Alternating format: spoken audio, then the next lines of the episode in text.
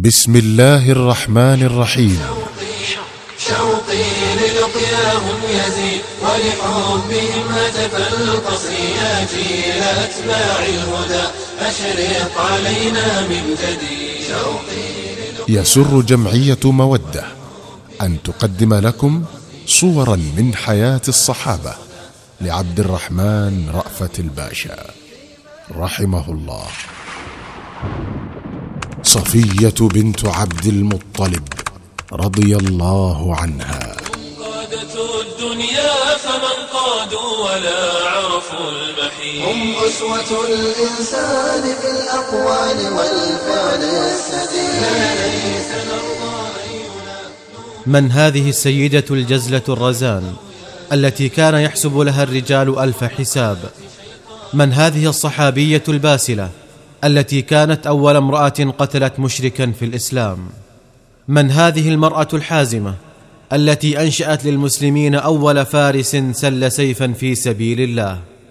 إنها صفية بنت عبد المطلب الهاشمية القرشية عمة رسول الله صلى الله عليه وسلم.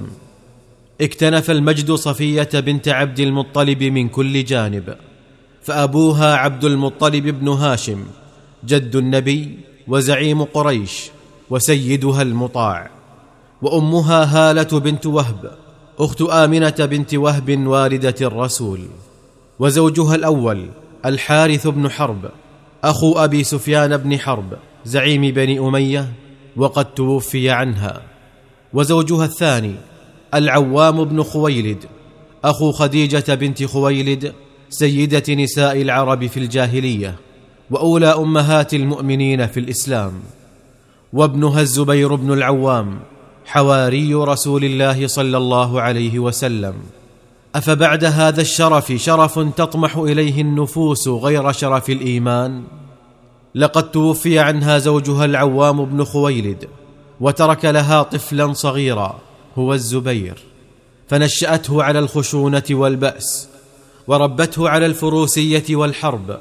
وجعلت لعبه في بري السهام وإصلاح القسي ودأبت على أن تقذفه في كل مخوفة وتقحمه في كل خطر فإذا رأته أحجم أو تردد ضربته ضربا مبرحا حتى إنها عوتبت في ذلك من قبل أحد أعمامه حيث قال لها ما هكذا يضرب الولد؟ إنك تضربينه ضرب مبغضة لا ضرب أم. فارتجزت قائلة من قال قد أبغضته فقد كذب وإنما أضربه لكي يلب ويهزم الجيش ويأتي بالسلب. ولما بعث الله نبيه بدين الهدى والحق وأرسله نذيرا وبشيرا للناس وأمره بأن يبدأ بذوي قرباه جمع بني عبد المطلب نساءهم ورجالهم وكبارهم وصغارهم وخاطبهم قائلا يا فاطمة بنت محمد يا صفية بنت عبد المطلب يا بني عبد المطلب إني لا أملك لكم من الله شيئا. ثم دعاهم إلى الإيمان بالله وحضهم على التصديق برسالته فأقبل على النور الإلهي منهم من أقبل وأعرض عن سناه من أعرض. فكانت صفية بنت عبد المطلب في الرعيل الأول من المؤمنين المصدقين. عند ذلك جمعت صفية المجد من أطرافه سؤدد الحسب وعز الإسلام. انضمت صفية بنت عبد المطلب إلى موكب النور هي وفتاها الزبير بن العوام وعانت ما عاناه المسلمون السابقون من بأس قريش وعنتها وطغيانها. فلما أذن الله لنبيه والمؤمنين معه بالهجرة إلى المدينة خلفت السيدة الهاشمية وراءها مكة. بكل ما لها فيها من طيوب الذكريات وضروب المفاخر والمآثر ويممت وجهها شطر المدينة مهاجرة بدينها إلى الله ورسوله. وعلى الرغم من أن السيدة العظيمة كانت يومئذ تخطو نحو الستين من عمرها المديد الحافل فقد كان لها في ميادين الجهاد مواقف ما يزال يذكرها التاريخ بلسان ندي بالإعجاب رطيب بالثناء. وحسبنا من هذه المواقف مشهدان اثنان. كان أولهما يوم أحد وثانيهما يوم الخندق. أما ما كان منها في أحد فهو أنها خرجت مع جند المسلمين في ثلة من النساء جهادا في سبيل الله. فجعلت تنقل الماء وتروي العطاش وتبري السهام وتصلح القسي. وكان لها مع ذلك غرض آخر. هو أن ترقب المعركة بمشاعرها كلها ولا غرو فقد كان في ساحتها ابن أخيها محمد رسول الله وأخوها حمزة بن عبد المطلب أسد الله وابنها الزبير بن العوام حواري نبي الله. وفي المعركة قبل ذلك كله وفوق ذلك كله مصير الإسلام الذي اعتنقته راغبة وهاجرت في سبيله محتسبة. وأبصرت من خلاله طريق الجنة. ولما رأت المسلمين ينكشفون عن رسول الله إلا قليلا منهم ووجدت المشركين يوشكون أن يصلوا إلى النبي ويقضوا عليه طرحت سقاءها أرضا وهبت كاللبؤة التي هوجم أشبالها وانتزعت من يد أحد المنهزمين رمحه ومضت تشق به الصفوف وتضرب بسنانه الوجوه وتزأر في المسلمين قائلة ويحكم أن هزمتم عن رسول الله؟ فلما رآها النبي عليه الصلاة والسلام مقبلة خشي عليها أن ترى أخاها حمزة وهو صريع وقد مثل به المشركون أبشع تمثيل فأشار إلى ابنها الزبير قائلا المرأة يا زبير المرأة يا زبير. فأقبل عليها الزبير وقال يا أمة إليك إليك يا أمة. فقالت تنحى لا أم لك. فقال إن رسول الله يأمرك أن ترجعي. فقالت ولم؟ إنه قد بلغني أنه مثل بأخي وذلك في الله. فقال له الرسول خل سبيلها يا زبير. فخلى سبيلها.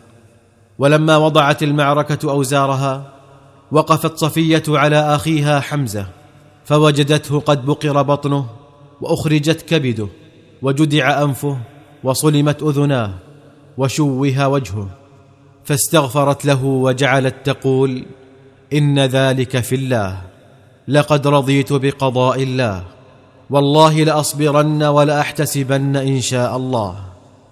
كان ذلك موقف صفية بنت عبد المطلب يوم أحد. أما موقفها يوم الخندق فله قصة مثيرة سداها الدهاء والذكاء ولحمتها البسالة والحزم. فإليك خبرها كما وعته كتب التاريخ.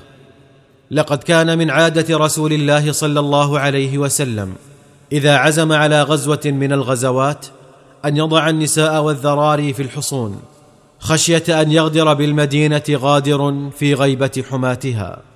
فلما كان يوم الخندق جعل نساءه وعمته وطائفة من نساء المسلمين في حصن لحسان بن ثابت ورثه عن آبائه. وكان من أمنع حصون المدينة مناعة وأبعدها منالا. وبينما كان المسلمون يرابطون على حواف الخندق في مواجهة قريش وأحلافها وقد شغلوا عن النساء والذراري بمنازلة العدو. أبصرت صفية بنت عبد المطلب شبحا يتحرك في عتمة الفجر فأرهفت له السمع وأحدت إليه البصر فإذا هو يهودي أقبل على الحصن. وجعل يطيف به متحسسا أخباره متجسسا على من فيه. فأدركت أنه عين لبني قومه. جاء ليعلم أفي الحصن رجال يدافعون عمن فيه أم إنه لا يضم بين جدرانه غير النساء والأطفال. فقالت في نفسها إن يهود بني قريظة قد نقضوا ما بينهم وبين رسول الله من عهد وظاهروا قريشا وأحلافها على المسلمين. وليس بيننا وبينهم أحد من المسلمين يدافع عنا. ورسول الله ومن معه مرابطون في نحور العدو. فإن استطاع عدو الله أن ينقل إلى قومه حقيقة أمرنا سبى اليهود النساء واسترقوا الذراري وكانت الطامة على المسلمين. عند ذلك بادرت إلى خمارها فلفته على رأسها وعمدت إلى ثيابها فشدتها على وسطها.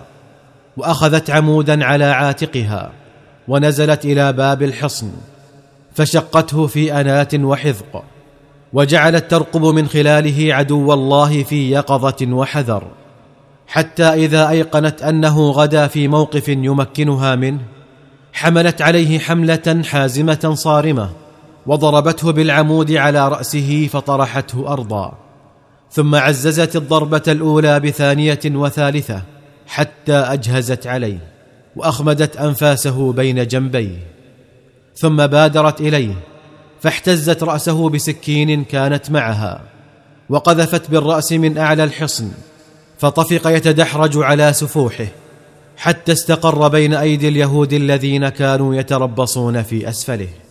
فلما رأى اليهود رأس صاحبهم قال بعضهم لبعض قد علمنا إن محمدا لم يكن ليترك النساء والأطفال من غير حماه ثم عادوا أدراجهم. رضي الله عن صفية بنت عبد المطلب فقد كانت مثلا فذا للمرأة المسلمة. ربت وحيدها فأحكمت تربيته وأصيبت بشقيقها فأحسنت الصبر عليه واختبرتها الشدائد فوجدت فيها المرأة الحازمة العاقلة الباسلة. ثم إن التاريخ كتب في أنصع صفحاته. إن صفية بنت عبد المطلب كانت أول امرأة قتلت مشركا في الإسلام. صفية أول امرأة قتلت مشركا دفاعا عن دين الله. بمحمد وبصحبه قد أسس الصرح المشيد يا شعر أسعفني أفض في مدحهم هل من مزيد. سلة الإيمان والتقوى